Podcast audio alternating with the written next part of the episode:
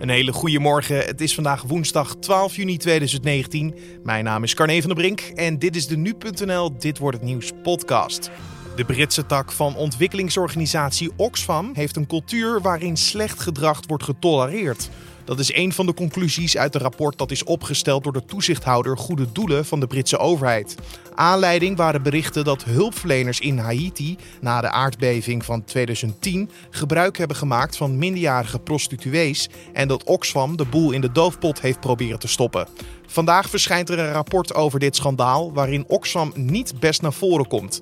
En juist voor een ontwikkelingsorganisatie komt dit hard aan je zou wel kunnen zeggen, de hulporganisaties vanwege hun hoge standaarden zouden daar nog meer bovenop moeten zitten dan misschien andere organisaties. En zouden er alles aan moeten doen wat ze maar kunnen om misbruik te voorkomen en daar waar het gebeurt te straffen. Je hoorde Thea Hilhorst, hoogleraar humanitaire hulp en wederopbouw aan het International Institute of Social Studies van de Erasmus Universiteit. Straks praten we verder met haar, maar eerst kijken we naar het belangrijkste nieuws van nu. Universiteiten en hogescholen moeten meer mogelijkheden krijgen om een strengere criteria te hanteren bij toelating van nieuwe studenten. Dat schrijft de Adviesraad voor Wetenschap, Technologie en Innovatie in een rapport dat minister Ingrid van Engelshoven van Onderwijs vandaag in ontvangst neemt. Zo is te lezen in de Volkskrant vandaag. Door een strengere selectie aan de poort kan de studieuitval worden teruggedrongen en kunnen onderwijsinstellingen zich beter van elkaar onderscheiden door te selecteren op studenten met specifieke kwaliteiten. Die maatregelen zijn volgens de Adviesraad nodig om Nederland mee te laten blijven doen in de wetenschappelijke wereldtop. 56 miljard euro moet er in 2040 beschikbaar komen voor extra investeringen in de Nederlandse infrastructuur van openbaar vervoer, wegen en vaarwegen. Dat staat in het woensdag uitgekomen Deltaplan Mobiliteit 2030. Dat meldt de NRC vandaag. Volgens het rapport lopen wegen en het openbaar vervoer vast. Het grootste deel van het totaalbedrag moet ten goede komen aan openbaar vervoerprojecten. Met de investering moeten doelen als meer capaciteit, meer veiligheid en meer innovatie bewerkstelligd worden. Ook moet met de investering de energietransitie in het vervoer mogelijk gemaakt worden, net als het halen van de klimaatdoelen. In een gevangenis in het Franse Orne zijn dinsdagavond twee bewakers ongeveer 5,5 uur gegijzeld door een gevangene. Hij bedreigde met een zelfgemaakt wapen een 52-jarige gevangenisbewaarder en een jonge stagiaire. Het Franse ministerie van Justitie zette een crisisteam in. Zo arriveerden drie helikopters met zeer bewapende agenten van de anti-terreur-inventieeenheid RAID. Rond 1 uur woensdagnacht gaf de gevangenis zich over en de twee gegijzelden zijn omgedeerd. De dader was de 35-jarige Francir Daufer, die sinds zijn 16e vastzit. In 2003 werd hij veroordeeld tot 30 jaar celstraf voor het vermoorden van een celgenoot. Hij pleegt al zeker vijf andere gijzelingen in de 20 gevangenissen waarin hij vastgezeten. In Oeganda is een persoon besmet met ebola. Dat meldt het ministerie van Volksgezondheid van het Afrikaanse land. Buurland de Democratische Republiek Congo kampt sinds augustus vorig jaar met een uitbraak van de ziekte. Maar dit is het eerste grensoverschrijdende geval. Het gaat om een Congolees kind van vijf jaar oud dat dicht bij de grens woont. Het kind zou afgelopen zondag vanuit Congo de grens hebben overgestoken. En de kleuter wordt momenteel behandeld in een kliniek. De grenzen worden sinds de uitbraak in het land goed gecontroleerd en patiënten die mogelijk ebola hebben, worden uit voorzorg in quarantaine geplaatst. Hoe het in dit geval is fout gegaan, is onbekend. En dan kijken we naar het gesprek van vandaag, oftewel dit wordt het nieuws. De Britse tak van ontwikkelingsorganisatie Oxfam heeft een cultuur waarin slecht gedrag wordt getolereerd. Dat is een van de conclusies uit een rapport dat is opgesteld door de toezichthouder Goede Doelen van de Britse overheid. Aanleiding waren berichten dat hulpverleners in Haiti na de aardbeving van 2010 gebruik hebben gemaakt van minderjarige prostituees. En dat Oxfam de boel in de doofpot heeft proberen te stoppen.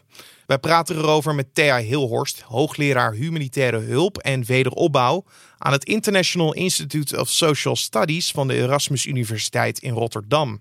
Mijn collega Jan van Houten vroeg haar wat er in Haiti in 2010 is gebeurd rond medewerkers van Oxfam. In 2010 is er, zijn er feestjes georganiseerd door medewerkers van Oxfam de directeur, de landendirecteur van Oxfam speelde een, een, geen goede rol erin. Die deed zelf mee. En in die feestjes waren ook prostituees aanwezig. Of in ieder geval meisjes die waren uitgenodigd, die daarvoor betaald kregen om mee te feesten. En um, dat is gemeld. Op dat moment zelf is dat gemeld. En uh, Oxfam is daar gelijk achteraan gegaan, heeft onderzoek gedaan, heeft van alles gedaan om, uh, heeft de directeur ontslagen, heeft er vervolgens van alles aan gedaan om de strengere codes, dus intern ook de organisatie weer veel beter tegen te beschermen. Nou, vorig jaar is dit verhaal alsnog naar buiten gekomen. Het was ook niet geheim gehouden door Oxfam, maar vorig jaar is het opnieuw opgepakt. Ik denk vanwege MeToo. Werd het groot breed uitgemeten in Engelse kranten. En uh, naar aanleiding daarvan zijn mensen nog eens strenger gaan kijken naar Oxfam. Is ook deze, dit onderzoek gedaan. En wat ze eigenlijk concluderen is dat inderdaad Oxfam naar aanleiding van haar IT een aantal maatregelen heeft genomen. Maar ze vinden het gewoon net niet genoeg. Het werd nogal een uh, rel in Engeland. Oxfam verloor uh, iets van 7000 donateurs. En ook bekende ambassadeurs zoals actrice Minnie Driver en bisschop Desmond Tutu. Die uh, zeiden hun medewerking op. Hoe groot was de impact in e-, Engeland van dit schandaal? Ja, heel groot. Omdat het uh, niet alleen Oxfam raakte, maar daardoor rakelde er van alles op. Dus ook bijvoorbeeld Save the Children kreeg er heel erg van langs. Andere organisaties. Er zijn ook daadwerkelijk de overheid heeft toen gezegd, nou we gaan een aantal van deze organisaties voorlopig niet meer steunen. Dus er is ook een bevriezing van steun geweest bij een aantal organisaties. Er is een parlementaire enquête over geweest. Dat is echt enorm groot geweest. Nu is dat rapport verschenen van de toezichthouder, Goede Doelen van de Britse overheid. Uh, even wat uitgebreide conclusies. Oxfam is volgens het rapport herhaaldelijk onder het verwachte niveau gezakt. Heeft een cultuur waarin slecht gedrag wordt getolereerd. En heeft gefaald om beloftes na te komen om een goede bescherming te bieden aan de hulpbehoevenden. Bent u verbaasd over deze conclusies? Nou ja, ja en nee. Het is ook een beetje hoe je ze leest. Is het, want de conclusies zeggen ook, Oxfam heeft van alles gedaan. Alleen vindt, vindt, de commissie het net niet genoeg. Maar de commissie spreekt eigenlijk op een bepaalde manier vind ik het nogal dubbel. Want aan de ene kant spreken ze dus een sanctie uit over Oxfam. Tegelijkertijd spreken ze vertrouwen uit in Oxfam dat Oxfam op de goede weg is. Dus ze zeggen daar ook bij dat die sanctie ja, vooral gezien moet worden als aanmoediging eigenlijk van Oxfam om nog steviger in te zetten hierop en nog transparanter daarover te rapporteren, ook naar deze commissie toe. Het schandaal draait om uh, drie mensen. Die zijn inmiddels al over uh, al ontslagen. Dus onder meer ook het hoofd van die organisatie in Haiti. Uh, Oxfam is natuurlijk niet de enige hulporganisatie met, met rotte appels binnen hun gelederen. Is dit een universeel probleem binnen hulporganisaties? Nou, ik zou het nog breder willen trekken. Als je het goed vindt, het is een universeel probleem. Overal waar machtsongelijkheid is, daar is ook helaas regelmatig sprake van uh, misbruik. Dat zie je overal. Dat zie je, nou zeg maar eventjes weer in de kerken, in, in, in het jeugdvoetbal. Je ziet het op heel veel plekken, zodra er machtsverschillen zijn, zie je ook machtsmisbruik. Nou, dat is in de hulporganisaties ook zo. Je zou wel kunnen zeggen, de hulporganisaties vanwege hun hoge standaarden zouden daar nog meer bovenop moeten zitten dan misschien andere organisaties. En zouden er alles aan moeten doen wat ze maar kunnen om misbruik te voorkomen en daar waar het gebeurt te straffen. Heeft het ook te maken met de, uh, de plekken waar ze werken? Het, crisisgebieden zijn het. Eh, ze opereren vaak onder enorme druk, met heel veel uh, emotionele spanning. Heeft dat er ook mee te maken?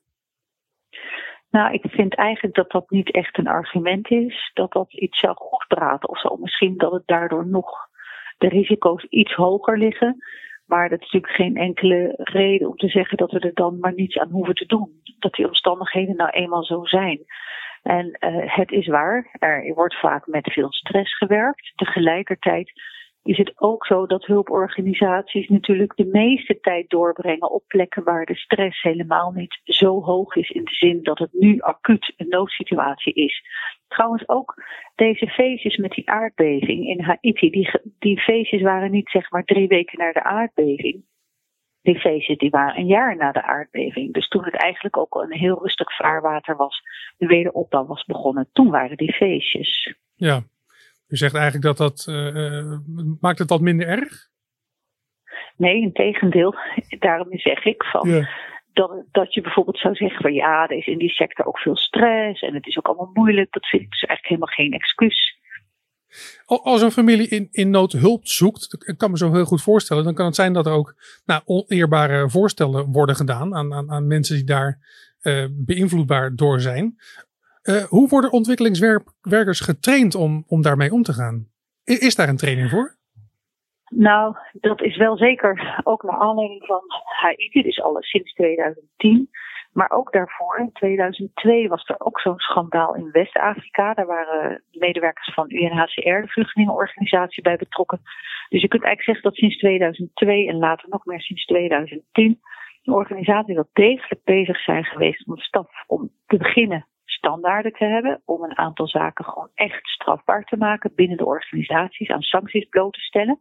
Maar ook om dan vervolgens stafleden daarop te trainen. Hebben ze daar genoeg aan gedaan? Ja, dat is de vraag. En ik zou kunnen zeggen van niet.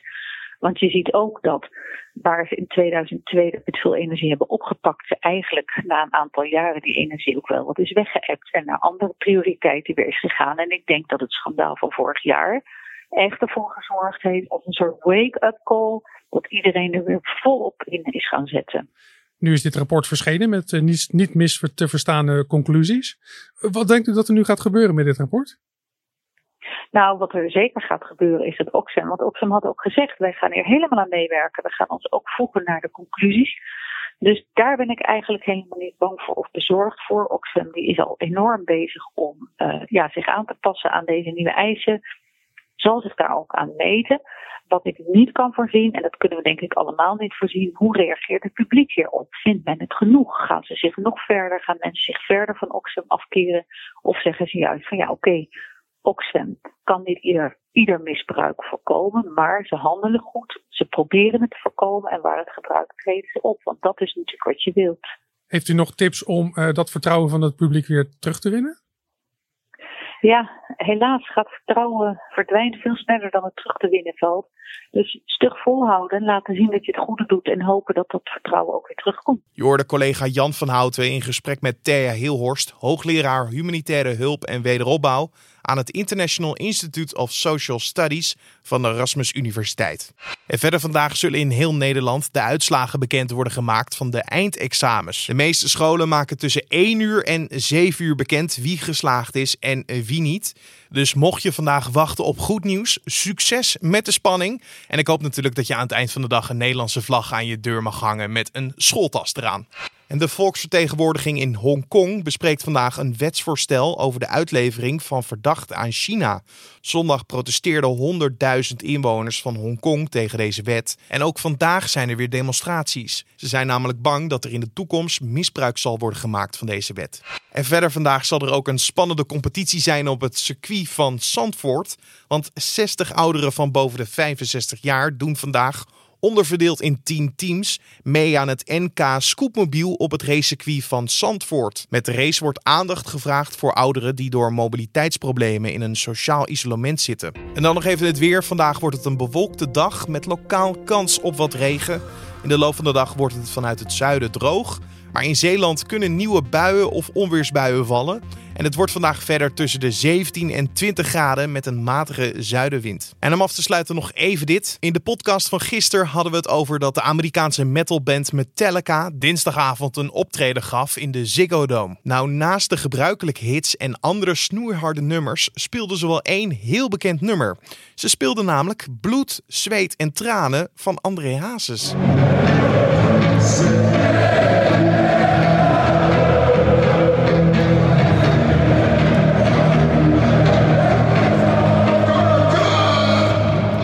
Waarom ze dit speelden is niet helemaal duidelijk. En je kan begrijpen dat fans ook verbaasd reageerden op social media en zeker ook in de zaal. En dit was dan de Dit wordt het nieuws podcast voor deze woensdag 12 juni. Je vindt de podcast van maandag tot en met vrijdag om 6 uur ochtends op de voorpagina van nu.nl. Je kan ons laten weten wat je van deze podcast vindt in een mailtje naar podcast.nu.nl of laat een recensie achter in iTunes. Mijn naam is Carne van der Brink. Ik wens je een hele mooie woensdag. Ik ben er morgen weer, dus tot dan.